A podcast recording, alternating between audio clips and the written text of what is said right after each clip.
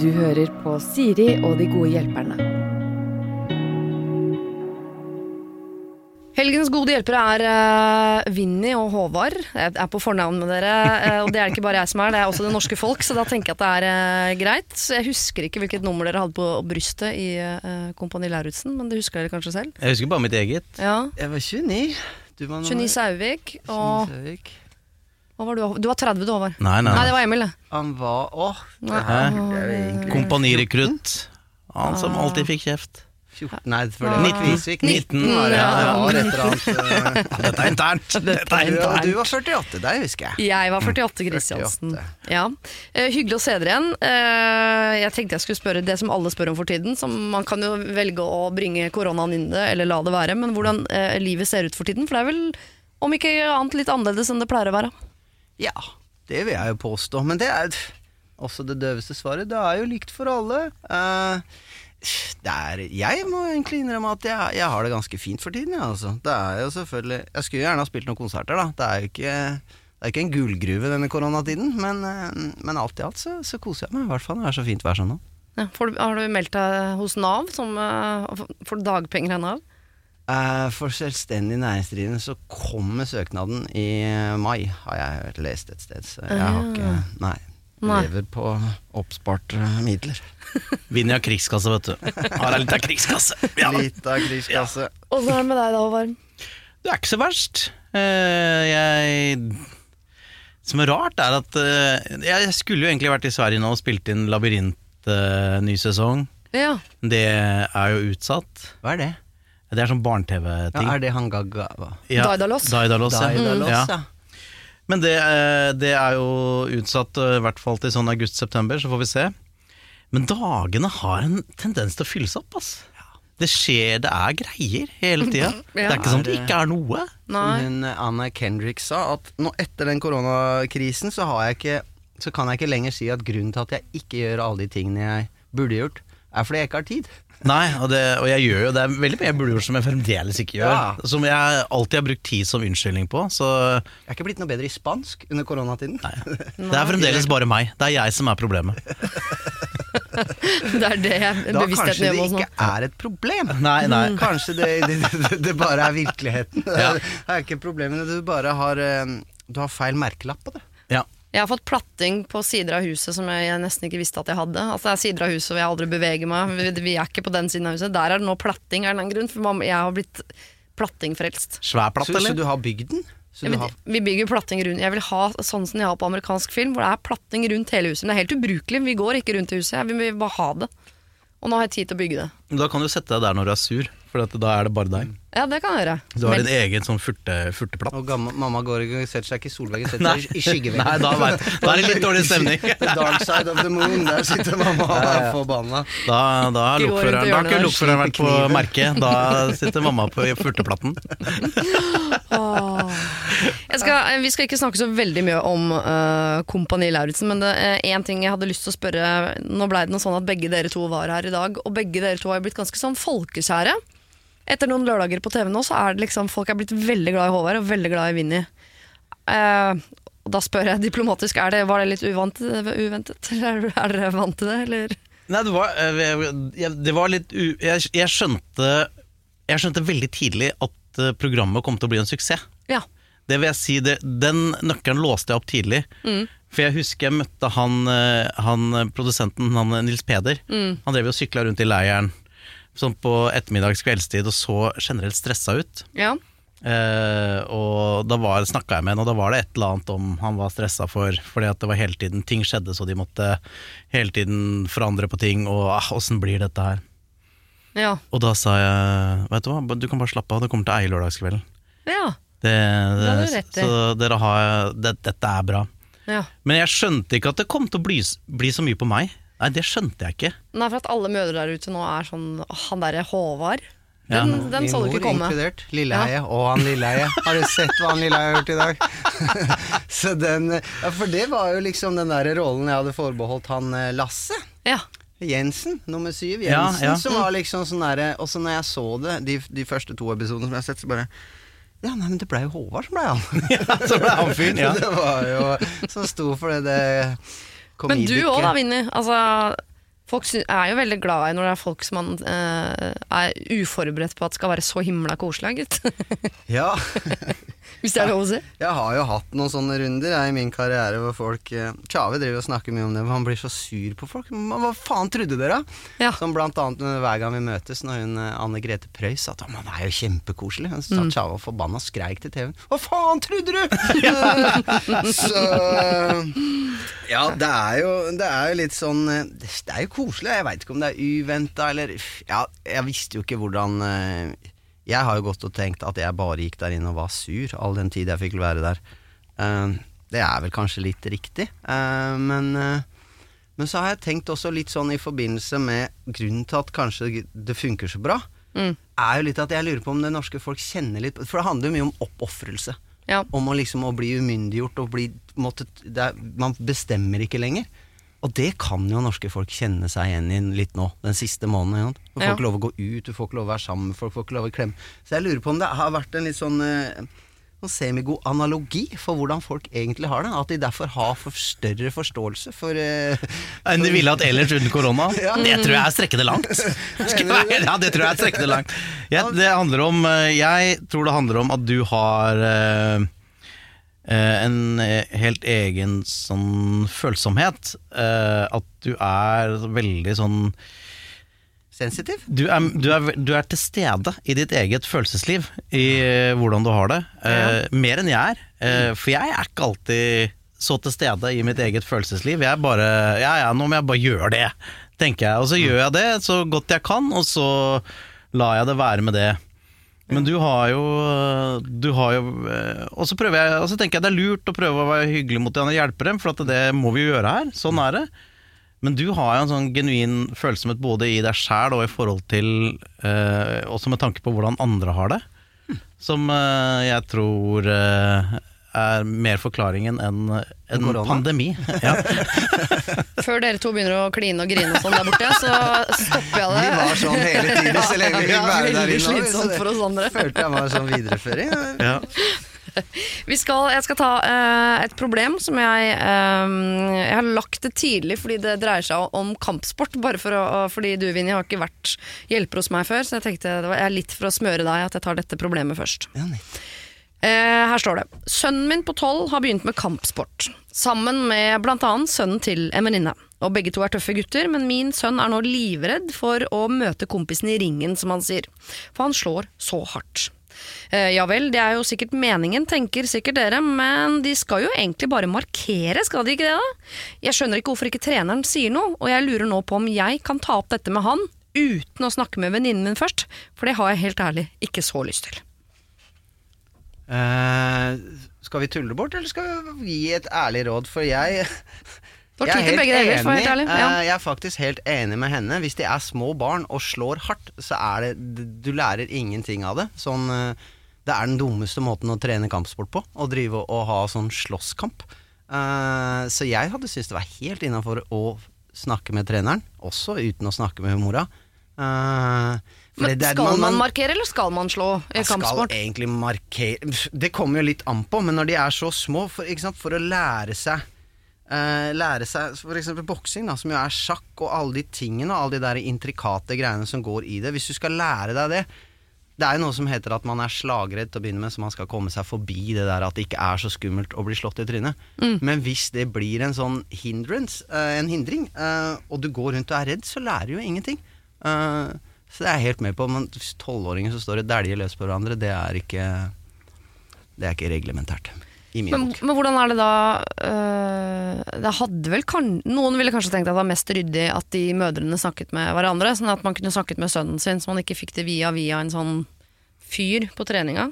Ja, men samtidig Jeg har ofte sånn Det er mange ting som jeg føler at det er bedre at andre folk enn meg lærer sønnen min. Ja. På grunn av at da får Det er et helt annet sånn type forhold. En annen, en annen type relasjon. Det er lærer-elev kontra det der pappa sier at nå skal du eh, også gå andre veien. Pappa, jeg er sliten, jeg. Ikke sant?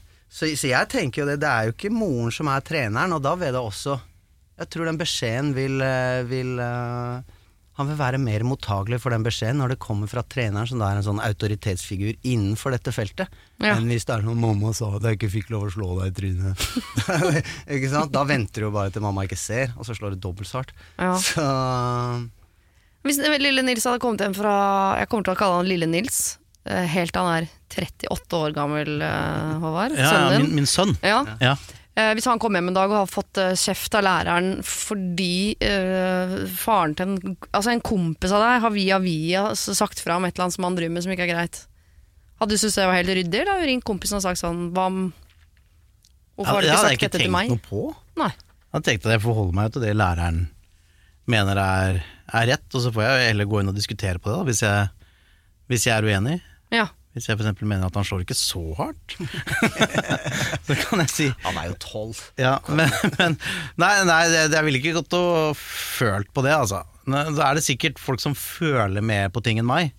Så ærlig må jeg være. Men jeg hadde vel bare forholdt meg til det, snakka med Nils og snakka med læreren og, og gått videre. ja. Ok. Men det er jo meg. Ja, ja. Nei, men det er jo det hun sp- øh, Kristiansen, for jeg føler jo at hun, hun går med sånn Det må han tåle! Må slå tilbake, da. Det er det du trener på, din lille jævel. Nei, Tror du livet er lett, eller? Tror du du skal få vondt i livet? Tror du det er sånn det henger sammen? Nei, men jeg har vært mer nervøs for hun venninnen min som uh, da eh, sitter på eh, plattingen her det heter og, og, og baksnakker meg fordi eh, jeg hørte Kristiansen var borte og snakka med treneren, og, han ikke tør å si noe til meg, kan han ikke komme til meg, ja? Jeg ser for meg sånn venninnemessig at den kan være litt ugrei, at man ikke eh, snakker sammen, men tar det direkte med treneren. Men jeg er helt enig med at det er det som er riktig å gjøre. Ja, så er, jeg tenker at Det er jo en sånn der måte å, å komme seg litt unna det. For man kan jo bli så touchy. Jeg skjønner den der, ja, du må ta det direkte med meg. Og, men jeg tror beskjeden vil være annerledes. Og så er det jo strengt tatt ikke hennes De driver og trener kampsport, også en fyr, som skal lære dem og instruere dem og, og få de til å bli en bedre versjon av seg selv. Ja. Og kanskje han treneren- på å gjøre jobben sin. Ja. Det er, eh, ja, jeg vil si at eh, feilen ligger der, altså. Ja. Og Hvis du syns det er ukomfortabelt, så tenker jeg at du kan jo også ta det på generelt grunnlag. Er det ikke sånn at man egentlig skal markere da? Nå har jeg hørt at det er noen som slår litt hardt, og at man ikke går rett på det, den ene sønnen Mm. eh, som slår så mye hardere enn de andre. Ja, Man trenger Eh, jo ikke å ta han direkte, men, men, eh, men treneren vil jo skjønne at du kommer som representant eh, for ditt eget barn. Ja. Jo, du kan si sånn, Nå syns sønnen min det er litt ubehagelig å gå på trening, for han, han gruer seg til å gå i ringen, for han syns folk slår så hardt. Ikke sant? Kan man jo hvis, si. Hvis han trener ei litt sånn sosial uh, trening, så trenger jo ikke han å løpe bort til mora. Veit du hva, vet du hva venninna di satt meg i stad? Herregud, for en er- Nei, Han bør jo bare ta det på sant? grunnlag, og det, bør ikke, det skal jo ikke sive ut det der. Og være bare litt mer sånn bevisst. Litt roligere nå, folkens. Nå skal vi bare markere. Det er ikke noe trening i det der. Det er ikke en slåsskamp. Nå skal vi bli uh, fightere. Ja, jeg, helt, jeg synes faktisk det høres ut som det er, eh, det er flere her som må strammes opp, blant annet treneren, for dette burde han ha skjønt av seg selv, og det lærer ikke han ved at du går og snakker med venninnen din, og i og med at ikke du har lyst heller, så skal du få slippe det. For her er vi altså tre stykker som mener at du kan gå direkte til treneren, ta det opp med han, og be altså disse tolvåringene roe seg ned lite grann.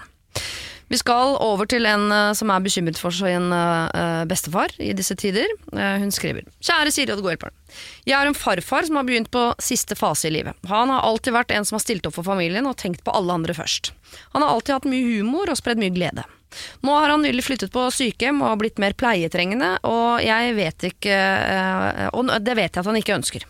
De siste ukene har han blitt mer likegyldig til livet og virker egentlig forsynt. Og dette er vondt for oss i familien rundt. Selv da han fikk beskjed om et eh, nytt oldebarn som var på vei, så var det ikke mye glede å spore hos han. Hva kan jeg si til han i en sånn situasjon som dette? Jeg eh, har f.eks. ikke ønsket han god eh, påske, for jeg føler at det blir feil. Han får ikke sitte og, og tatt en god kopp kaffe og en sjokolade i solveggen. Og ønske han god bedring, det blir jo også feil, da vi alle vet hvilken vei det går. Jeg er veldig glad i han og ønsker kun det beste. Jeg har lyst til å sende han en melding, vi får ikke lov til å besøke han nå, men hva kan jeg skrive for å glede han? Hilsen et bekymret barnebarn. Ja, det var jo veldig Det var jo ekstremt sympatisk, da. Ja, det er nok et voksen barnebarn dette her, det er ikke en, det er ikke en sjuåring, men uh, ja. Ja, ja, ja, ja så det er, det, er, det er en voksen person. ja. Um, nei, du må jo alltid Altså Det er jo én kontrakt med dette livet, og det er jo at vi alle dør. Mm. Uh, og nå er det ikke så lenge til han skal gjøre det. Og han er mett av livet. Det du kan gjøre for å få han til å føle seg bedre den siste tida med ringe, Skype, FaceTime, meldinger. Ja. Eh, bare prøve å få et smil på munnen hans. Jeg, jeg, jeg syns det er vanskelig å, å gi noe råd på hva som er riktig å si, for alt blir liksom Skal man late som ingenting? Det vet jeg, dette, det vi snakker om nå, er jo helt tullete. Skal man snakke om sånn Gleder du deg til sommeren? Nei, det blir fælt. Det er ikke sikkert han lever. Eh, skal vi snakke om, om døden? Nei, det er jo ikke noe hyggelig. Så jeg skjønner at man plutselig blir litt sånn At alle temaer eh, blir feil, da. Ja, Kanskje du må tenke på hva er det han har hatt gøy med i sitt liv? Hva er det han har elska? Hvilke ting har han interessert seg for? Prøv å gå inn på hans premisser, da. Eh, I og med at han tydeligvis har kommet dit at han eh, ikke er i stand til å, å være så mye med på andres. Så er det jo litt det å se på hvorfor, og liksom den derre Vi vil jo gjerne Eller liksom de rundt vil gjerne at han skal være glad, ikke sant? Litt for vår del. For det at det er veldig Ikke sant? Ikke det at det bare er egoistisk, det er fordi vi ønsker jo de vi er glad i, godt. Men liksom Å, men nå må jo Kan ikke du være glad, og liksom sånn Det går jo an å se på liksom en Kjenne litt på hva han Eller prøve å sette seg litt inn i hvordan han har det, da. For han Du vet, når han føler på de tingene her, så Å, men det er feil, du skal være glad. Å drive og fortelle folk hvordan de skal ha det, føler jeg ikke er noen eh, noen god, eh, noen god greie uansett. Eh, så det der å, å sette seg liksom så bare ja, Tenk om han var en sånn der, han passer alltid på alle de andre, omsorgsfull. En, vikt, en viktig del av familien. Og så plutselig så sitter han på et hjem. Får sikkert masse medisiner som gjør at han kan leve i ti år til, men han har ikke noe energi, og han har ikke noe Kanskje man skal snu på, snu på det og se liksom hva er det han trenger, da? Kanskje man skal snakke litt om døden? Kanskje man skal kjenne litt på det? Åssen er det å, å være liksom eh, Å være i den posisjonen han er i, da? For det, jeg, jeg ser jo, jeg skjønner at det kommer fra et godt sted med den meldinga der, men det føles jo litt som om det der handler om at han skal være så glad for oss. Ja. Kanskje det er vi som skal se på hva som er viktig for han. Jeg lærte en gang, eh, Dette er noe man skal bruke på bitte små barn, men det kan hende det funker på alle mennesker. Å mm. speile stemningen de er i. At det er en grunn til Hvis et barn eh, skriker, Ja. og ta fram rangla og være sånn kjempeblid for at babyen skal bli med på din stemning, er veldig vanskelig. Da skal du bli med ned, være lei deg sammen med barna, så skal du lure de ut. Så kan nok hende at nå, hvis han er litt sånn litt lei og ikke så livsglad, så skal man ikke stå foran og ta på seg klovnenesa, stå foran og, og med prompepute, liksom. Da skal du bli med ned, være kanskje litt melankolsk, og så kanskje lure han opp i god stemning innimellom Og sånn husk, Hvis han alltid har vært glad i hopp, da, la oss si det. Husker du 76? da, Da han hoppa jo faen meg sjukt høyt, han fyren. Ja. Smugle inn en liten jegertinn og Ja. Ja, nei, for jeg, i forhold til, jeg møtte en Vi bodde på, på en blokk på Frogner eh, Når sønnen min var blitt født, og da gikk vi, og så var det en sånn gammel mann i den bygningen. Så så han på sønnen min og så han Jeg er på, på vei tilbake dit, jeg nå. Ikke sant? For det blir jo litt sånn da, jo eldre du blir, ja, så blir du pleietrengende, og da blir man litt mer sånn som barn. Ja. Man blir behandla litt mer sånn som barn. Og som du sier det med barn, at du skal liksom ikke si til barn 'Å, jeg er så lei meg'. Ikke vær lei deg. Det betyr jo, ikke sant? Da sier du basically at vi tar ikke følelsene dine på alvor. Nå må du stramme deg opp. Det Nå er føler du feil. stress, Ikke sant? Nå Ja. føler du feil. Og det er jo kanskje litt det samme greiene her sånn. Mm. Litt sånn livslei. Ikke vær livslei. Hva faen, jeg levde i 75 år, jeg er ferdig med greiene. ja. Ja, ok, men åssen er det, da? Hva er det liksom ja. Også, Eller hoppe rett derfra til Husker du OL på Lillehammer? Det var sjukt. Ikke sant? Jo, men det er jo et eller annet han interesserer seg for, som han kan snakke om. Ikke sant? Ja, Før det går så gærent, skal vi da? Ikke sant? Så begynner å ja. Se på fotball? Det der kan nok være vanskelig i skriftlig form. Kanskje dere kan ringe han eh, Men han er intellektuelt sett til stede, ikke sant? Ja, ja. Ja, Han var pleietrengende. ja, ja. Da, Litt lei seg. da tenker jeg da går det jo an å, å kommunisere på hans premisser. Ja. Og er, nå skal ikke jeg generalisere, selv om det, det gjør jeg hele tiden. Det er stort sett det jeg driver med. Men eh, tror du ikke han er glad i å mimre generelt? Er ikke gamle folk glad i å mimre? Jo, de er, de er ofte det. Jo, hvis ikke de da blir minnet på alt som var fett før, og hvor jalla det er nå. Ja, jo, men er det ikke liksom Jeg tenker at jeg kommer til å gjøre li- to the bitter end ligge og mimre tilbake på ting som jeg husker at var gøy, og, og få lov til å fortelle historien nok en gang om den gangen vi tilfeldigvis møtte en sel i Sonskilden, liksom. Det er jo det man har lyst til. Ja, Ja. Men det er sant, det kan jo høres ut som det er tingen å gjøre òg, når man er liksom eh, ved, ved, ved reis ende. ja.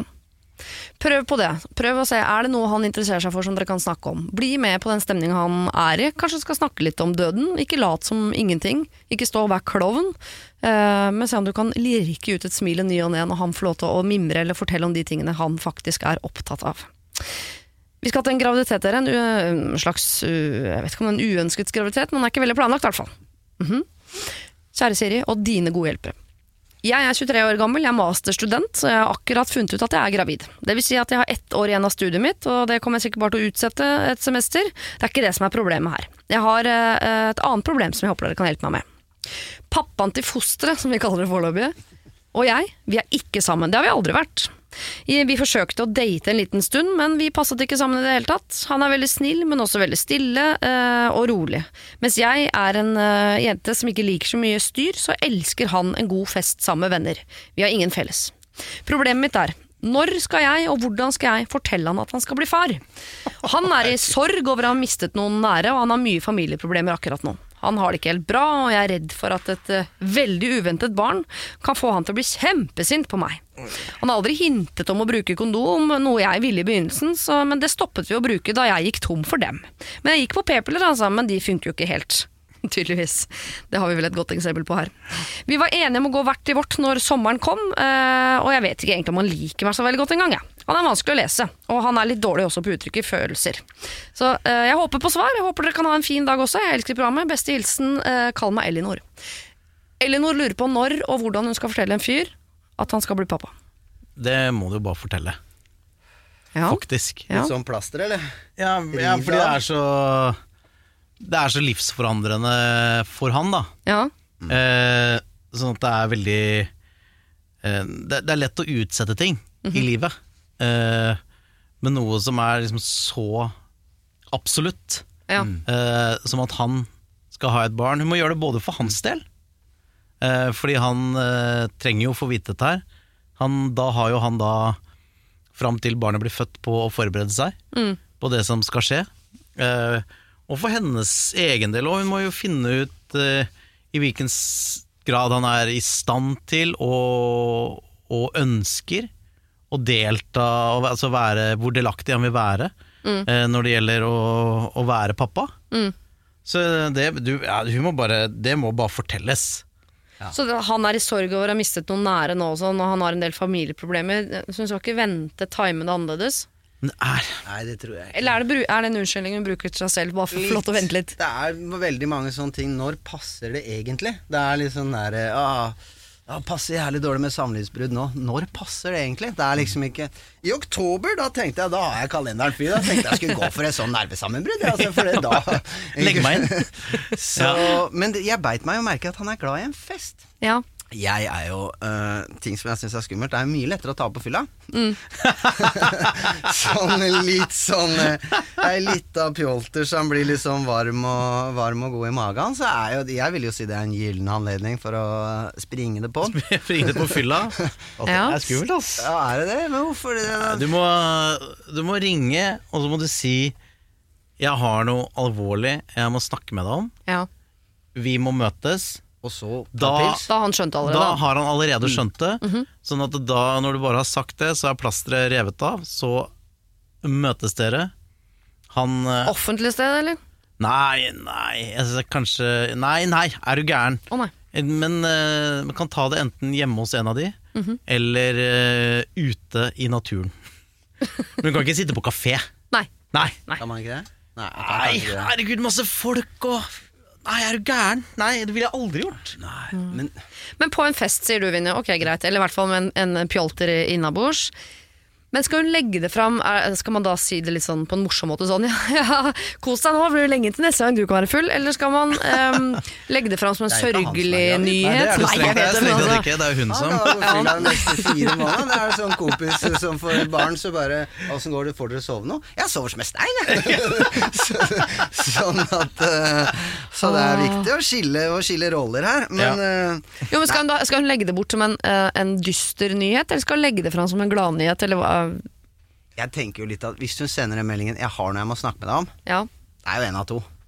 Det er klamydia eller unge? Ja, eller liksom Ja, eller det, og jeg vil at de skal være sammen. Hvis han ikke liker henne, så tenker han jo ikke at det er en sånn greie. Så det virker jo ikke som de har et sånt forhold hvor det ville vært et aktuelt tema.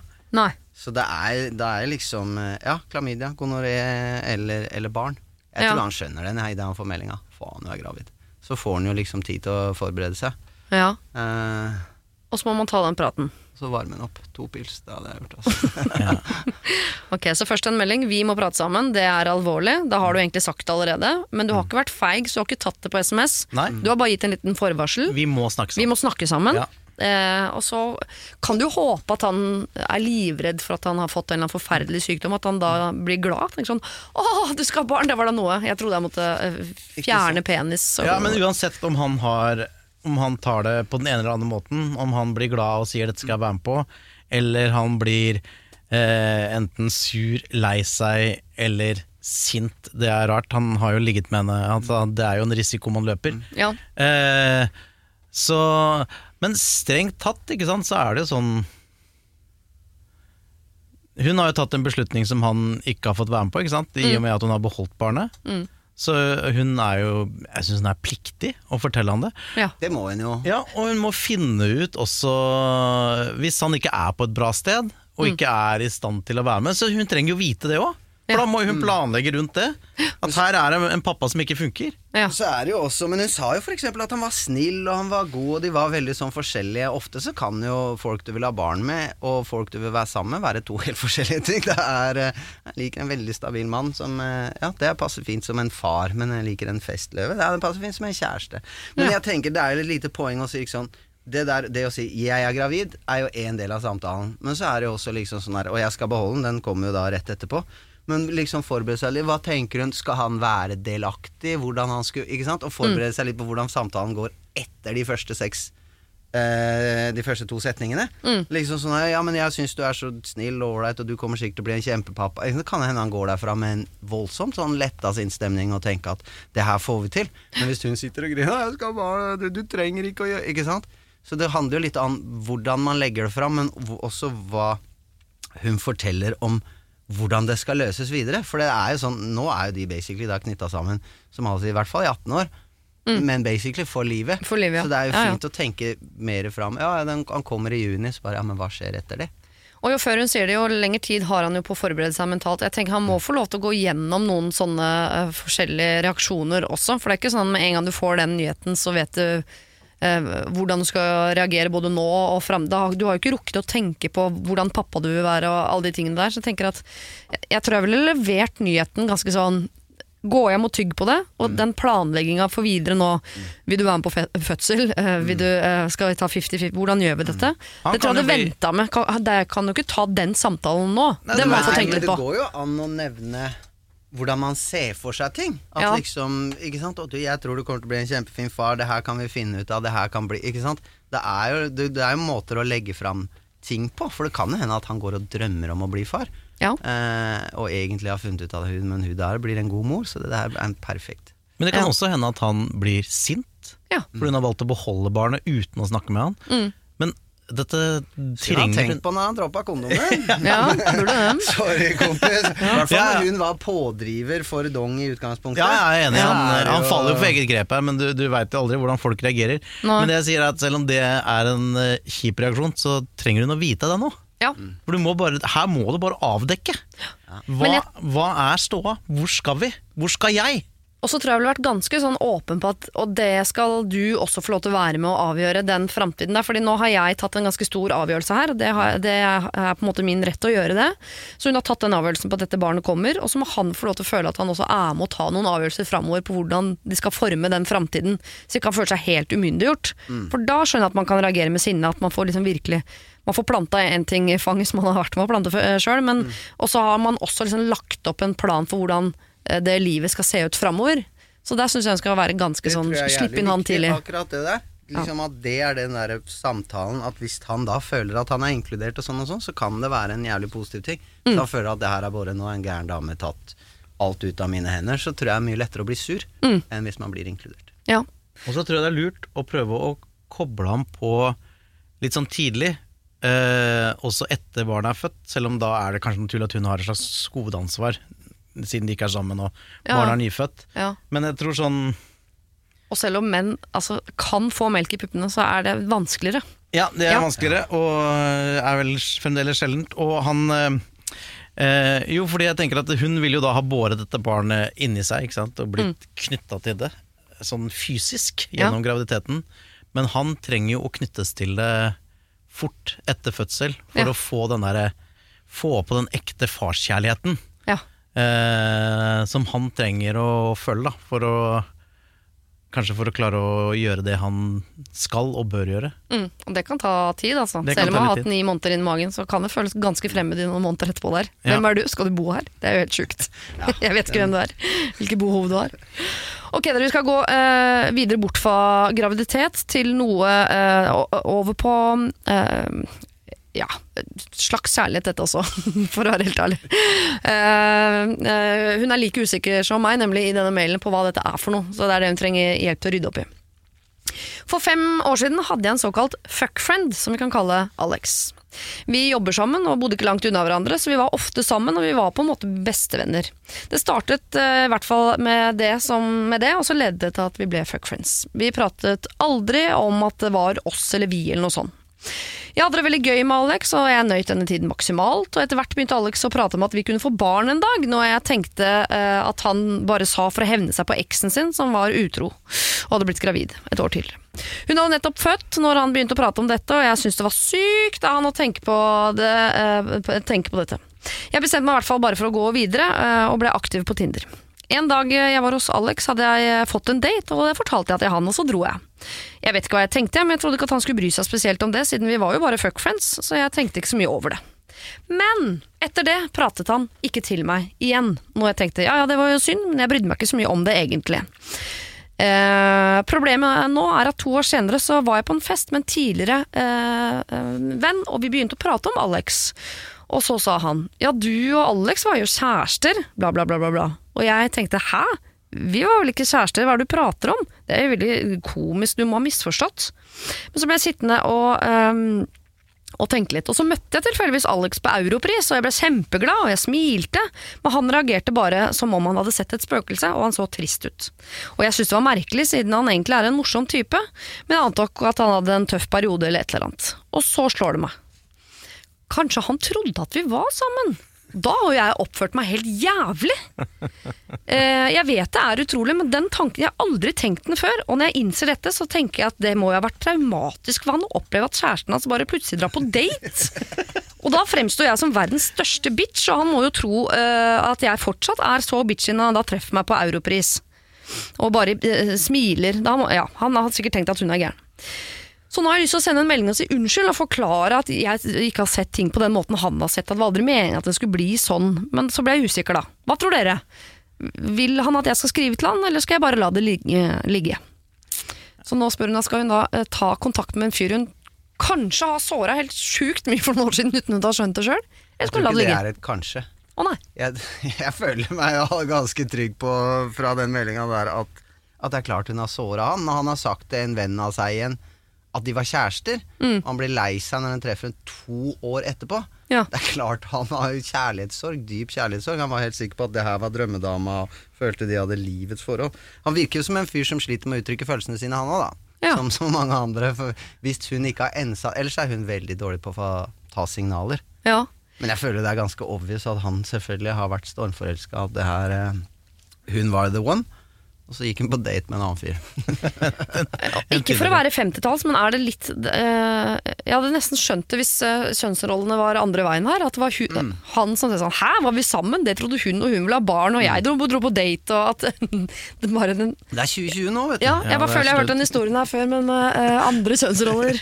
Ja, altså han Ja, for det er jo Det som er litt sånn strange, er jo at hvis du er Hvis du er da kjærester, så sier man jo også ting til hverandre, da, som eh, glad i deg og, og sånn. Og den vil jo at han til og med har sagt det, og hun har tenkt ja, han er bare glad i meg som en fuckfriend.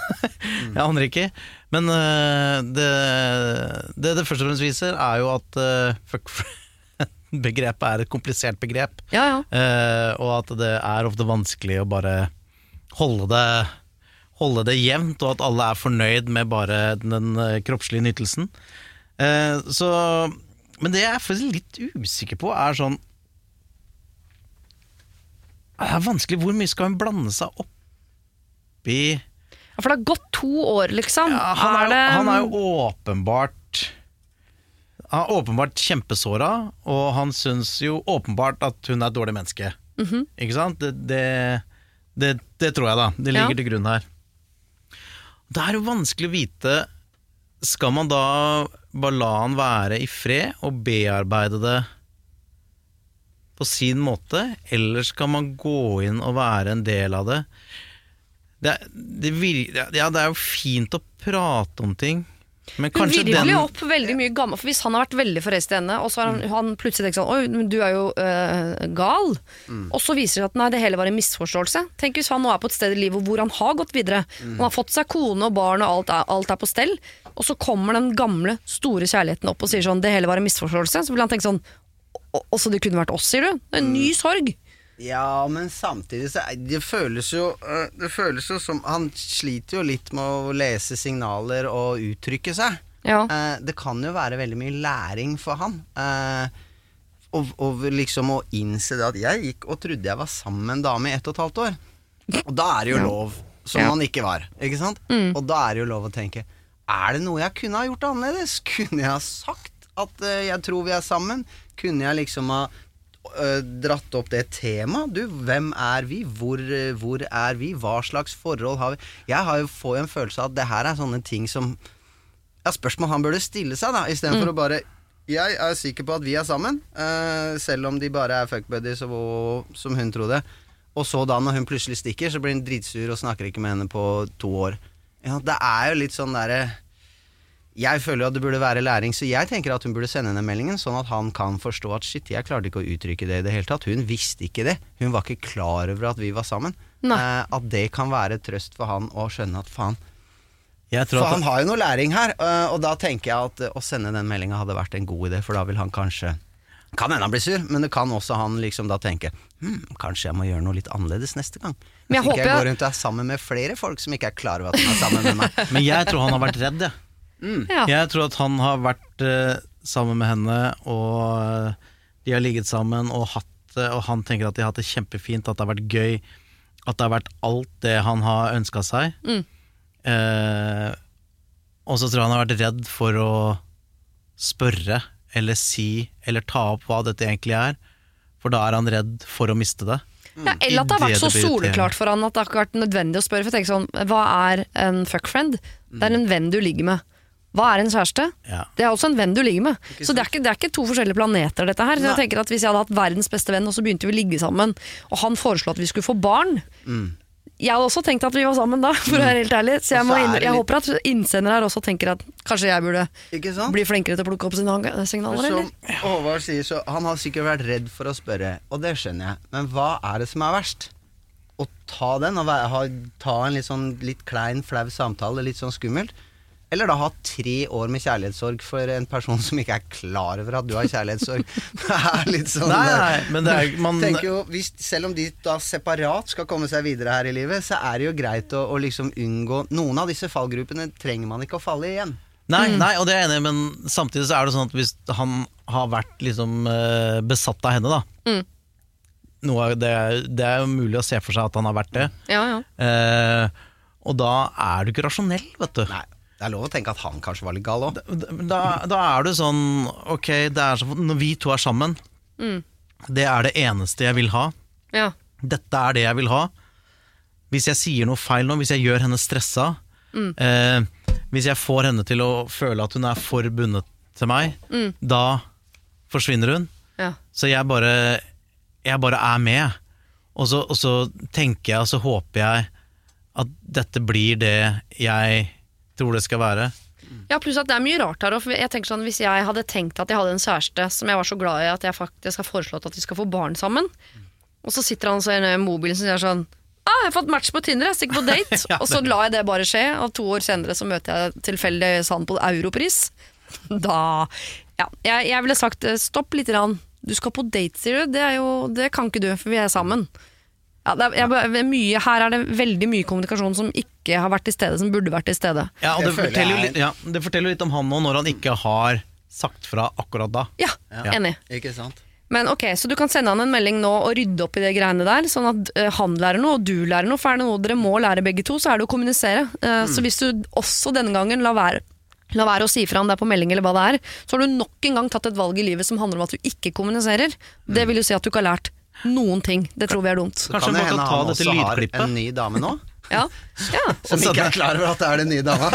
Sånn at eh, du kan jo, du kan jo liksom gjenta, eller spare, unngå at historien gjentar seg. Ja. Så, så det føler jeg litt sånn samfunnsansvar. Føler jeg at den meldingen er helt på sin plass. Men som du sa i stad, og det der med at man er mye mer vant til at den problemstillingen her er motsatt. ja Det er absolutt. 2020 framgang. Nå går det framover, folkens. Ja, vi, må, vi må ikke gå så langt fram at vi har gått uh, skeivt ut på andre sida. Vi, på et eller annet, vi må stoppe på midten der. Ja, for det du sier, er at du, at du trenger fremdeles et mannfolk? Jeg trenger mannfolk. Ja, Ja, så ikke så har jeg aldri fått uh, skifta lyspære hjemme. nei. Har du problemer selv, send dem inn til siri at radionorge.no. Her er det en som kaller seg for Sara som skriver. Eh, jeg skal gifte meg til sommeren, da, men det ser jo mørkt ut nå.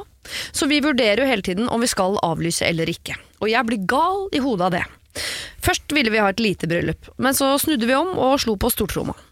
Nå eh, tenker jeg at sjansen for å få gjennomført et lite bryllup ville vært større enn å gjennomføre dette store bryllupet, og jeg lurer på Kan vi avinvitere halvparten? Sara.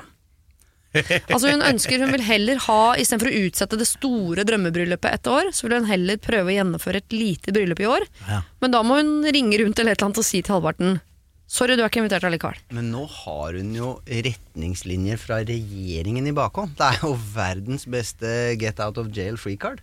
Ja, men er jo Erna har ikke skrevet noe om sånn fetter nummer to ryker. Altså det er ikke gleda meg sånn til å feire bryllupet med dere, men selv nå har Erna sagt at det blir ikke noe av. Beklager.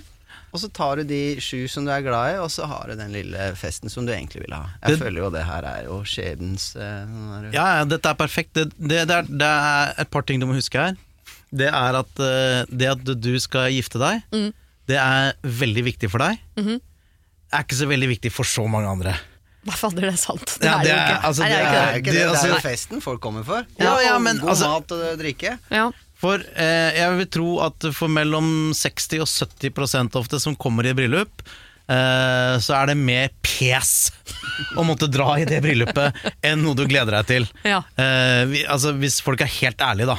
Ja, I ja. hvert fall når en veit at det mest sannsynlig er slutt etter tre år òg. Ja, ikke sant? Altså, det er jo, statistikken uh, tyder på at det er i hvert fall en god sjanse for at de ikke holder livet ut. Det er, det er mye som ligger der, da. Uh, pluss at uh, folk syns jo ofte det er diggere å ha fri enn å måtte noe.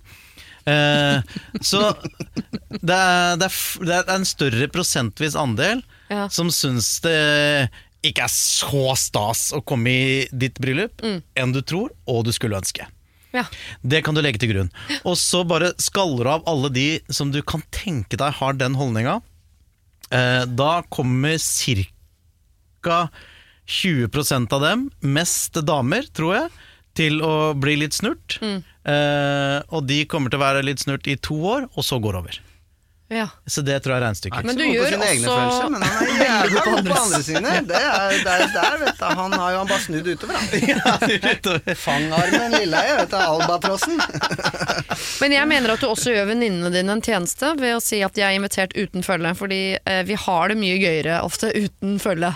Selv om vi tenker at han må jo selvfølgelig være med. For det første, Ja, han har ikke lyst til å være med, og du har det kjedeligere på festen når han er der. Så du gjør alle en tjeneste ved å invitere venninnene dine uten følge. Og følge har det også Og da får jo gøyere. han- og han bare tør ikke å si det, men hvis det er liksom sånn Skal jeg sitte sammen med deg og sju av dine venninner? Mm. Eh, hvis jeg får lov. Det er ikke lov å si at jeg ikke har lyst til det, Nei. men eh, hvis, det, hvis det er en option A, og Ja, den ja, ja. faktisk er også til det gode for fellesskapet, Mm. der har du gitt mye folk en lita sånn derre ut bakveien-luke, altså. Det, Og dette er vinn-vinn. Og det kan også, jeg vil også si det sånn at hvis du da ber venninner, og eh, da samboer, kjæreste eller ektefelle til denne venninnen blir sur for at han ikke får lov til å komme, da er det en god lakmustest for hun venninna òg, at da er hun sammen med feil fyr.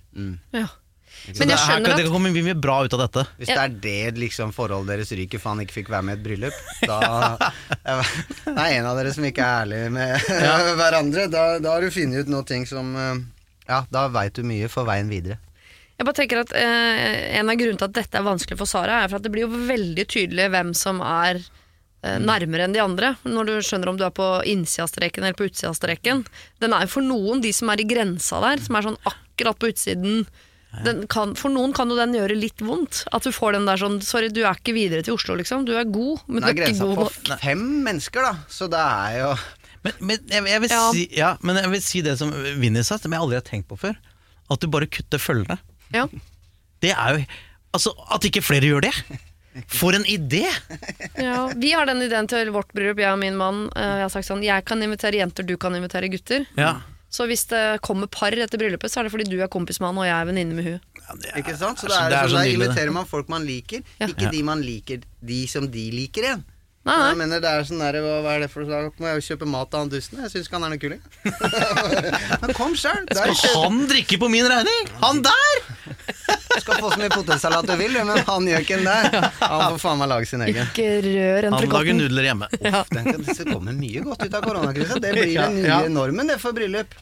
Så er det bare fem stykker og en skål med Denja potetsalat. Ok, dette virket som Sara, jeg beklager at vi ikke hadde et, uh, en, en, uh, en kvinne her som kunne være litt mer sånn Å, herregud, hva skal jeg gjøre med blablabla?» Men her var vi veldig uh, konkrete, og det er er kanskje det det man må være. Jo, det var litt deilig, det. Dette er ikke noe problem, du må se på det som en gavepakke. Her er du kvitt røkla. Du kan avinvitere alt følge, f.eks., eller sette grensa der du egentlig setter grensa. Du har bare ikke turt å si det høyt før. Lykke til. og du kan høre det i eh, SMS-form, du trenger ikke å ringe rundt. Vi skal videre til ehm, en eh, mor som, eh, som har en datter på 11 år, og som har sine utfordringer, står der. Hun går ikke så veldig inn i hva de er. Hun skriver heller at hun er snill og morsom, men hun kommer lett til konflikt og hater skolen blant annet. Skolen ønsker at vi nå sjekker om hun har ADHD eller lignende, men jeg vet ikke om jeg orker å sette noen merkelapp på ungen min. De vil jo følge henne resten av livet, og da blir hun jo plutselig hun med diagnosen. Kan vi ikke bare vente og la henne modne? Her, Spør mor. ja, her, her, her har jeg jo førstehåndskunnskap. Ja. Fordi eh, jeg har diagnosen, ja, det er ikke mora di som skal inn og, dette. eh, og min sønn har diagnosen. ADHD, eller? Ja, ja, ja. Ja. ja. Så, og det er jo Jeg, jeg skjønner greia hennes, fordi ADHD er jo en litt sånn rar diagnose, fordi det er en subjektiv diagnose, ikke sant? Som, eh, som eh, jeg, jeg fikk jo diagnosen etter at Nils fikk den. Ja. jeg kjente igjen så mye. Ja. At jeg òg gikk, gikk det Kan jeg ta den testen, jeg òg? Du kan gjerne ta testen. Eh, og, så, og så er det jo da, ikke sant, at eh, for Nils sin del så ble han jo satt til å gjøre oppgaver og sånn, da, av forskjellig art. Og så ble det liksom hvor lang utholdenhet har han, hvor irritert blir han, hva klarer han å gjøre selvstendig, da, uten at noen sitter og sier ja, men nå gjør du det, nå gjør du det. Ja. Og da sa jo de etterpå han har ADHD. Ja. Og eh, det som er Og jeg har valgt at han ikke skal Eller vi, eh, moren hans og jeg, har valgt at han ikke skal eh, medisineres. Sånn at eh, han eh, får da litt sånn ekstra oppfølging. ja.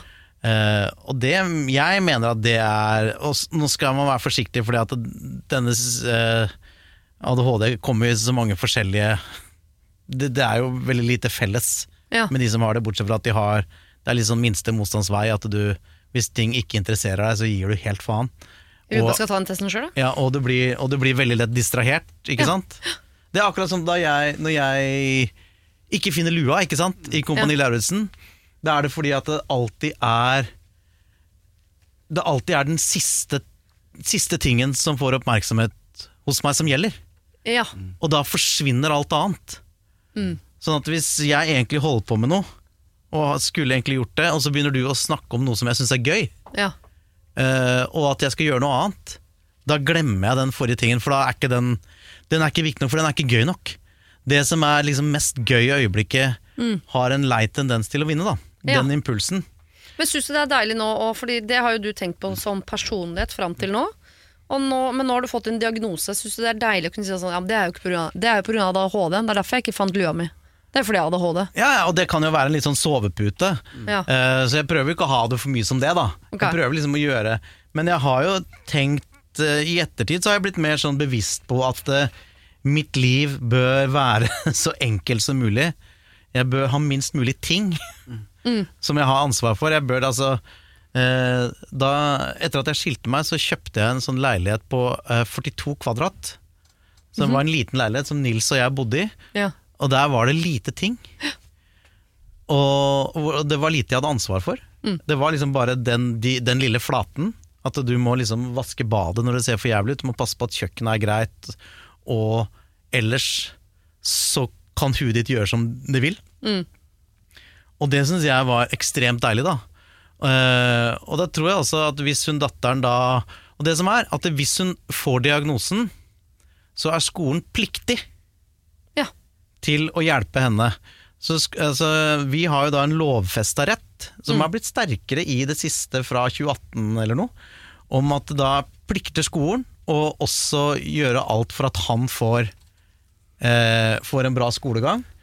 Så, Så for da- deres del så var det positivt å få den diagnosen? Vil Ja, si det? ja, det, ja det- absolutt. Og så kan det jo hende at Nils klarer å liksom vokse det av seg. At han på et punkt eh, klarer å trene seg opp til å ha det fokuset som gjør at eh, For igjen, da, det er en subjektiv diagnose. Ja. Så idet han får hjernen sin til å fungere sånn at han eh, klarer å ha orden på tinga sine, så kan han kvitte seg med diagnosen, hvis, hvis han vil det. Hun, hun skriver jo ikke så mye om hvilke frykter hun har forbundet med dette, men hun skriver blant annet da blir hun jo henne med diagnosen. Opplever du på en måte at man blir han med diagnosen?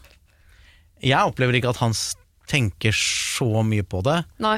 Eh, det kan jo hende at han noen ganger syns det er litt sånn deilig å bruke det, så, så det må man jo passe på, ikke sant? Ja. At han ikke, at han ikke blir en sånn fyr som tenker at, eh, at eh, det å gjøre sitt tredje beste alltid er godt nok fordi jeg har jo diagnose.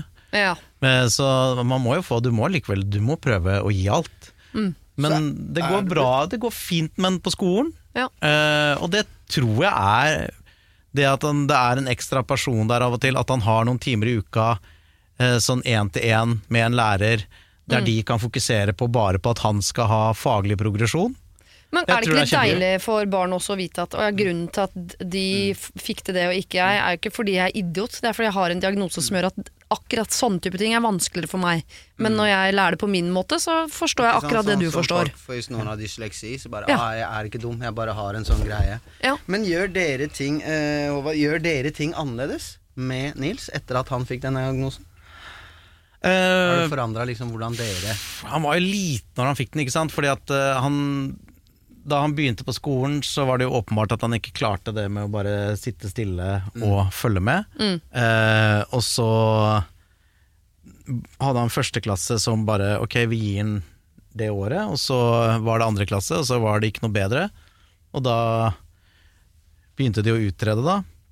Eh, så ja, jeg tror nok at jeg er mye mer bevisst på det, ja. Og på hvordan jeg følger opp han når han skal gjøre det han må. Og kanskje mor her, nå vet jeg ikke om mor eh, er det da, men kanskje hun også kan innimellom, hvis man blir irritert på ting, at man kan legge bort noe av det man blir irritert på før, kan man legge over på forståelsen. Og man tenker sånn, å ja, men det er jo derfor. Det nytter ikke at jeg sier ta deg sammen eller skjerp deg. Hvorfor kan du ikke bare ta på deg lua når du går ut? Alle andre unger tar jo på seg lua når de går. Kan ikke, altså, jeg tipper man blir kvitt noen sånne Mm. Eh, sider i pedagogikken sin, eller eh, ikke-pedagogikken sin, ved at man har forstått noe ved barna sine som man ikke har forstått før. Da. Ja, og for, og for Nils og meg så er det litt sånn at det, Jeg tror for han også er det sånn at du og jeg, pappa, vi har jo noen ting som vi ikke er helt suverene på. Og så sier ja, vi er men vi må jo prøve, ikke sant? Vi må jo, Ja. det, er ikke noe, det er ikke noe alternativ for meg at du kommer på skolen på fredag uten å ha gjort leksa. Det skjønner du, kompis, ikke sant? Så vi må, bare, vi må bare finne en måte. Ja. Så om du jobber litt kortere, og så er litt ute, og så kommer inn og jobber igjen, du, det er helt fint, men alt må ned. ja. så tenker jeg litt sånn i forhold til det at da blir hun en hund med diagnosen. Det er litt, sikkert litt avhengig av hvor du er. Eh, men hvis du f.eks. er i Oslo, eh, eller i, i et sånt tettsted, kanskje hvis det er på et sånn lite sted men den blir nok neppe den eneste med en diagnose, spesielt i disse dager. Så er det, det, er mye, det er mye diagnoser. Altså, jeg vil si at 97% av alle bloggere har jo da angst. Og det er, sant? det er jo jævlig mye diagnoser ute og går, så det er ikke sikkert at det stigmaet der er så heftig som, eh, som man tror det er. Nei, og I hvert fall ikke så ille som det er for eksempel, Jeg husker Da jeg var ungdom, så husker jeg jo hun ene på Kjelsås som hadde ADHD. Vi, om, det ble, vi snakket aldri om henne uten at det ble nevnt. Så jeg, kan, jeg bare tenker at jeg skjønner hvor den tanken om den merkelappen kommer inn i bildet, men det tror jeg, eh, det tror jeg er litt gamle dager, altså. Og så tror jeg merkelappen kommer uansett. Mm. Om man har fått et sånn doktor, et ark fra doktor om at det er det du har, Mm. så er det jo sånn at hvis, det er, hvis man sitter i en klasse hvor man er 29 elever, og den ene er litt propell, så, så er jo det Det er en merkelapp i seg selv. Ja. Så om du liksom hva, hva står det på det brevet fra legen? Det er jo ikke, jeg veit ikke om barn er så opptatt av det. Nei, Men står de det propell, klassens klovn, eller- ja. Propell Mm. er jo da en, en offisiell diagnose på, på barneskoler landet rundt. Sånn at, så, så, så, så det er jo ikke som om Jeg tror ikke omgivelsene ikke er klar over det, uansett. Nei. Så da kanskje, som, eh, som Håvard sier, at da er du pliktig til å få hjelp, og at det kanskje vil forklare litt. Kanskje det er fint å få den diagnosen. Og når du blir stor, så kan du bli Daidalos. Da kan du bli Daidalos. Ja. Og så er det jo også det som er et element der, er at uh, hun sier jo at per nå så har ikke jenta det noe bra på skolen. Nei. Sånn at det er alt som kan bedre det. Mm. Og Nils var jo yngre da han fikk diagnosen, men da han hadde fått diagnosen, så var vi i klassen og snakka med klassen og til klassen, Ja. sammen med Nils. Ja. Eh, Som Daidalos. sånn- Sånn, sånn- ja. Kom i full kostyme. Ja, kom i full kostyme. Og viste, og- nå, skal jeg, nå skal jeg vise dere hvordan ADHD egentlig ser ut, jeg. Men eh, da ja. Ja. Så da, det, og det var eh, Og det gikk veldig fint da, da. Og så kan jeg ikke garantere, det kan man aldri. Men jeg, jeg vil si at sannsynligheten i mitt hue øker for at hun får en bra hverdag. Ja. Så det høres ut som når skolen ønsker at de sjekker om hun har ADHD, så høres det ut som vi også syns det høres ut som en god idé. Men det heter ikke sjekke, det heter utrede for Ja, ja, ja. Ja, ja. Det er ikke så viktig hva slags ord du bruker. Ja. Nei, jeg, bare, jeg lette etter det ordet når jeg leser mailen. sånn, Det er et eller annet ord eh, Ja. Så gjør det hvis du skal gjøre det. Ikke vær redd for den eh, merkelappen. Det er mer hjelp i dette enn det er hindring i dette. Så det syns vi absolutt du skal gjøre. Vi skal over til en annen eh, overskrift på eh, en bås man kan stå i. La oss litt, snakke litt om sex, gutter. Hei, jeg er en dame på 45. Etter mange år så har jeg tatt motet til meg og spurt min mann om jeg kan få ha sex med en kvinne, og han sa ja. Vi har snakket mye om dette, og vi føler oss trygge på at det går fint. Men hvor treffer jeg en kvinne som bare vil ligge? Jeg har ikke vært på sjekkeren på mange år, og jeg har aldri vært på sjekkeren med en dame. Og hva ser jeg etter egentlig? Hun må jo være fin, hun skal ikke være for fin heller. Nei, ikke Det er det som står. For du, du vil ikke føle deg mindreverdig? Nei. Nei. Skal være litt finere enn deg sjøl, men ikke så mye finere at du Ja, for det, der, Det blir det, det, det, det blir et annet sammenligningsgrunnlag. For det, veldig mange menn har jo ofte sex med kvinner som er mye finere enn seg sjøl, og, Ja, ja. og lever godt med det. Ja. Jeg er egentlig veldig fornøyd med det, faktisk. Ja. Synes jo det er eh, Det er helt topp. Jo, men det er vanskelig å sammenligne ja. Ja. Ja, Det har jeg tenkt på selv også. Hvis jeg skulle jeg ligge med en ja. mann, så det kan jeg ha vært litt mer sensitiv, ja. Ja. Det kan hende. Så, så fine muskler du har. Ja, og, Ja. Oi, du hadde veldig stor. Mm. Hvorfor er han mer deffa enn meg? Eh, nei, men uh, altså, jeg tror uh, Altså, det Jeg føler ikke jeg er så godt uh, rusta til å, Nei, nei. til å svare. Hvor finner en Men Tinder, er, det ikke, er ikke det, det der man får ligd for tida? ja, Hun er sikkert litt redd for liksom, at det skal være i, offentlig. For der kan du jo beskrive hva du ser etter, Ja, kan man ikke det? Ja, men hun vil jo sikkert ikke at alle skal kunne se at hun er ute etter en kvinnelig partner, Nei, i og med at hun er uh, Ja, for der, en Dattera er på Tinder. Så Ja. plutselig er det sånn, så mora di på Tinder. Ja. Den er lei. Bare ser etter damer. Ja, Hun vil bare ligge med andre damer. Den, det er, det, men det fins jo helt sikkert sånn uh, mer anonymiserte, tette dating. Det har jeg ikke et fullgodt svar på, da. nei. Akkurat uh, hvor på nettet, eller hvilket utested, eller hva, hva som gjelder. Mm. Så der Og sjekking er jeg dårlig på generelt, ja. så der er heller ikke så mye tips. Der, Kjenner jeg at det Lilleheie er bedre.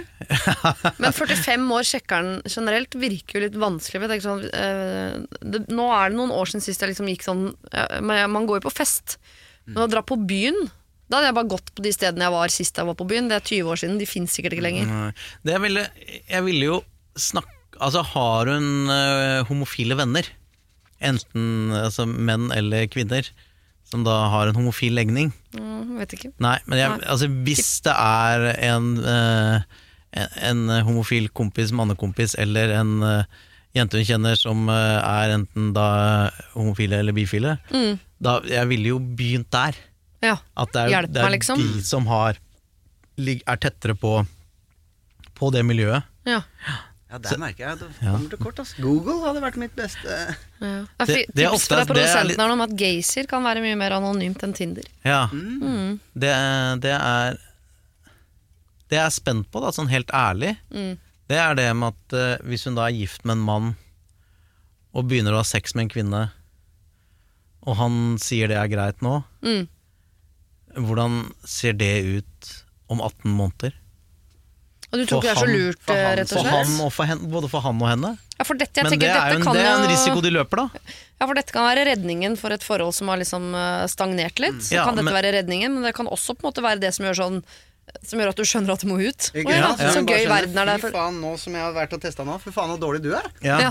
Det kan jo være, men samtidig så kan jo det være akkurat den spicen. Og jeg tror jo også mange, mange menn vil synes det er mindre At det er mindre skummelt. Ikke sant? Hvis, Ja, fleste, åpenbart, hvis, hvis noen ikke- tenker at uh, å, kona mi går og ligger med en annen mann, da vil jo alle ikke sant? Da blir man jo helt sånn der. Men hvis det er med et annet kjønn, eh, så, så Ja, for det er jo en så blir det arena mye enklere. Ikke sant? Da Ja. er jo da er jo ikke konkurranse per se. Nei. eh, på samme måte. Men skal også tenke litt på, for jeg bare jeg ser for meg at han på et eller annet tidspunkt kan jo plutselig da si sånn Nå er det faktisk min tur. Mm. Skal jeg ut og ligge med folk? Og da kan du egentlig ikke si nei. Jeg syns han snekkeren som var her forrige uke, var så kjekk. Eller, Så- eller venninna di. Ja. Uff, Ja. ok. Nei, det er, jeg, jeg tror ikke det er, det er ikke ukomplisert uh, farvann. Men samtidig så syns jeg det høres veldig Det høres ut som folk som snakker sammen, og at de er blitt enige om det. Og de, jeg syns det, hørtes- jeg synes de hørtes veldig sunne ut. Det der. Jeg tror det der kommer til å gå dritbra. Men hvor hun Men hvor finner man, ja. ja. Der merker jeg at jeg, jeg, sliter mer. For det er også sånn Vanligvis så går man jo på fest, og så drikker man sånn 'Å, han der var kjekk', eller 'hun der var kjekk'. Ikke sant? Mm. Men når man da, ikke sant Hvis for henne da 'Å, hun var fin', men vil hun ligge med andre kvinner? Ikke sant? Da må du plutselig Det, det er et helt sånn eh, spekter av nye spørsmål man, Ja. eh, man må besvare. Jeg tror jeg hadde alliert meg med en venninne og sagt at dette er stående, og jeg får lov til å ligge med en kvinne, og det har jeg lyst til, for det er, det er en, en side jeg savner. Og så hadde jeg dratt på noe sånn skal, Kan vi stikke tre dager til Søben, hvor vi utelukkende bare går på pub? Og målet her er at jeg skal få ligget. Finn deg en wingwoman, ja. Ja. Det er nok en veldig god idé. For da blir det mye lettere for venninna kan gå bort og spørre. Ja. Og smart. Alliere Turi deg. spør deg. Sånn. Du ser jo hun røya der borte. Jeg ser- Venninna venninna mi sier at du er ganske fin, men ikke for fin. Akkurat innafor. Passer. Nei, her hadde vi ikke Gazer er kanskje det mest sånn, eh, konkrete tipset. Um, Denne var vi ikke noe god på. Ja, jeg hadde jo et, Nei. men jeg hadde jo et konkret tips i og med hvis hun har noen venner, bekjente som er som hun stoler på, som er homofile eller bifile. Ja. Nei, du var ikke noe god på den. Du må bare ta den. Den Ja. der var vi ikke god på. Å få deg en wingwoman, og bare kom deg ut der og, og prøv, liksom. Ja. Vi skal ta eh, snakke om vold isteden, da. Ja. Ja. Oh, der, der, nå kommer vi til å briljere mye bedre. Vet du, hva. nå er vi der. Dette er noe for oss. Min pappa har giftet seg på nytt med en dame som er veldig hyggelig, så lenge hun er edru. Jeg har vært mye sammen med dem og opplevd henne full mange ganger, og da er hun skummel. Hun er stygg i munnen, og hun er voldelig. Flere ganger har hun flydd på pappa, og han har måttet legge henne i bakken til hun roer seg. Dagen etter er hun veldig lei seg, og hun bedyrer at dette er det kun pappa eh, Det er kun pappa hun er sånn mot, og jeg tror henne. Og det går bra, pappa er sterk. For en helg siden fikk vi en lang fellesmelding på natta, jeg og barna hennes. Og der sto det at hun skulle gå fra pappaen min fordi han var voldelig. Hun beskrev han, og det var som å lese om henne. Og jeg vet at dette ikke stemmer, men det vet jo ikke barna hennes. Eh, Jeg vil ikke at de skal tro dette om min pappa, men jeg vil jo heller ikke være den som forteller dem hvordan moren deres egentlig er. Så hva gjør jeg? Det er krevende. Ja, den der var også. Veldig krevende landskap. Herregud, det er jeg så Tror du Jeg syns ikke hun Jeg synes ikke hun objektivt sett fortjener noe annet enn at uh, andre får vite hvordan hun er, og hva hun har sett. Det er klart, det du risikerer, er jo å støte de barna hennes fra deg. For det, det her blir det jo klassisk sånn eh, Du er idiot, nei, du er idiot. Eh, Ja. argumentasjon. Eh, men eh, hvis hun da har vært på fest og sett da denne dama som er gift med faren hennes være sånn, da er det jo flere som har sett det. ja. Eh, så du kan jo sannsynliggjøre Dette er jo uansett ikke et sunt forhold. Det er jo et forhold som ikke bør være et forhold. Mm. Eh, når det er så mye vold der. Så, så det at det brytes opp, eh, tenker jeg er bra. Så får man jo bare Men man må jo i hvert fall ta såpass tak at man forteller sin side av historien. Til og hun barna hennes. sier jo at hun er redd for at 'jeg vil ikke være den som forteller det til hennes barn om, om moren deres'. Men hvis hun har sett det, og det er bare ikke sant? Det er jo en sjanse for at barna har sett disse tendensene. Jeg tenker det er vanskelig å ha sånne tendenser som aldri kommer fram. Med mindre de er liksom Hun høres ikke ut som hun er ni, liksom, eller ti. Og, så det er jo en sjanse for at de er litt klar over at mutter'n blir litt gæren i fylla. Ja. Uh, hvis ikke de har sett den, så er hun jo Nå tror jeg hun har Da har hun vært flink. Ja. Uh, men ja, jeg er enig med Håvard. Det her eh, det forholdet her høres ikke noe særlig godt ut. Nei, at det, for, ja, men det forholdet tenker jeg, det må de, eh, de eh, voksne voksne finne ut av selv. Her er det jo litt som hva- skal hun gjøre i forhold til de andre barna? da? La oss si de er sikkert i 20-åra eller kanskje ja, noe sånt. Det virker jo ikke som de i hvert fall bor sammen med moren sin ennå, så de må jo være eh, voksne. Men eh, Rar ting å ta på mail. Det høres jo ut Ja. som en, en samtale bør forekomme. ja. Blant barna, kanskje. De kan begynne, begynne å snakke med det bare når jeg så vi den meldinga fra, ja. fra mutter'n, fra mora deres. Kan vi ta en prat?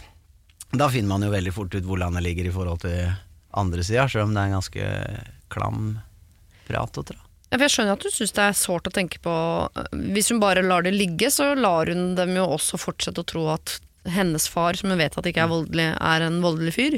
Det er ikke bra, det heller. Men kan, kunne hun ha hmm, Jeg tror kanskje jeg ville gått i dialog med min stemor.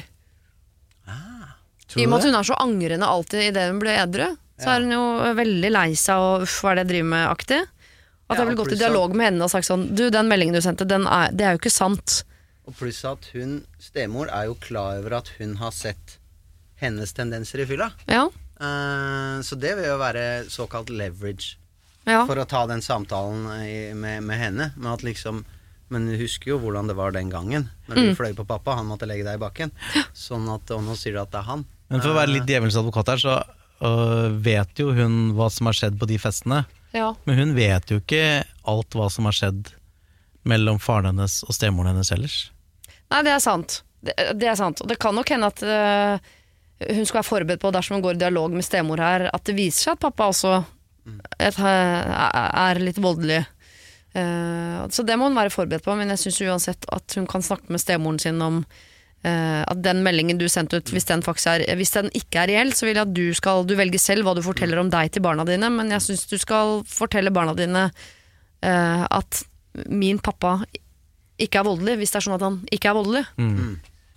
Eh, ja, for det er ikke noe Det er ikke et kult fall- rykte å spre om folk. På Nei, og i hvert fall være åpen på om hvordan hun har vært og er. Ja. Jeg er nok enig i at er den beste største motstands vei, men gå og ta den dialogen med stemor ja. er nok eh, sikkert det vanskeligste òg. Ja, og vi har jo tidligere i dag anbefalt hvis man skal gå dialog med folk, så kan det være greit med to øl innabords. Så Her lurer jeg på om vi skal gå bort fra det, Vinni. Ja, det, det er liksom Det er eh, unntaket som bekrefter regelen, er det det det heter?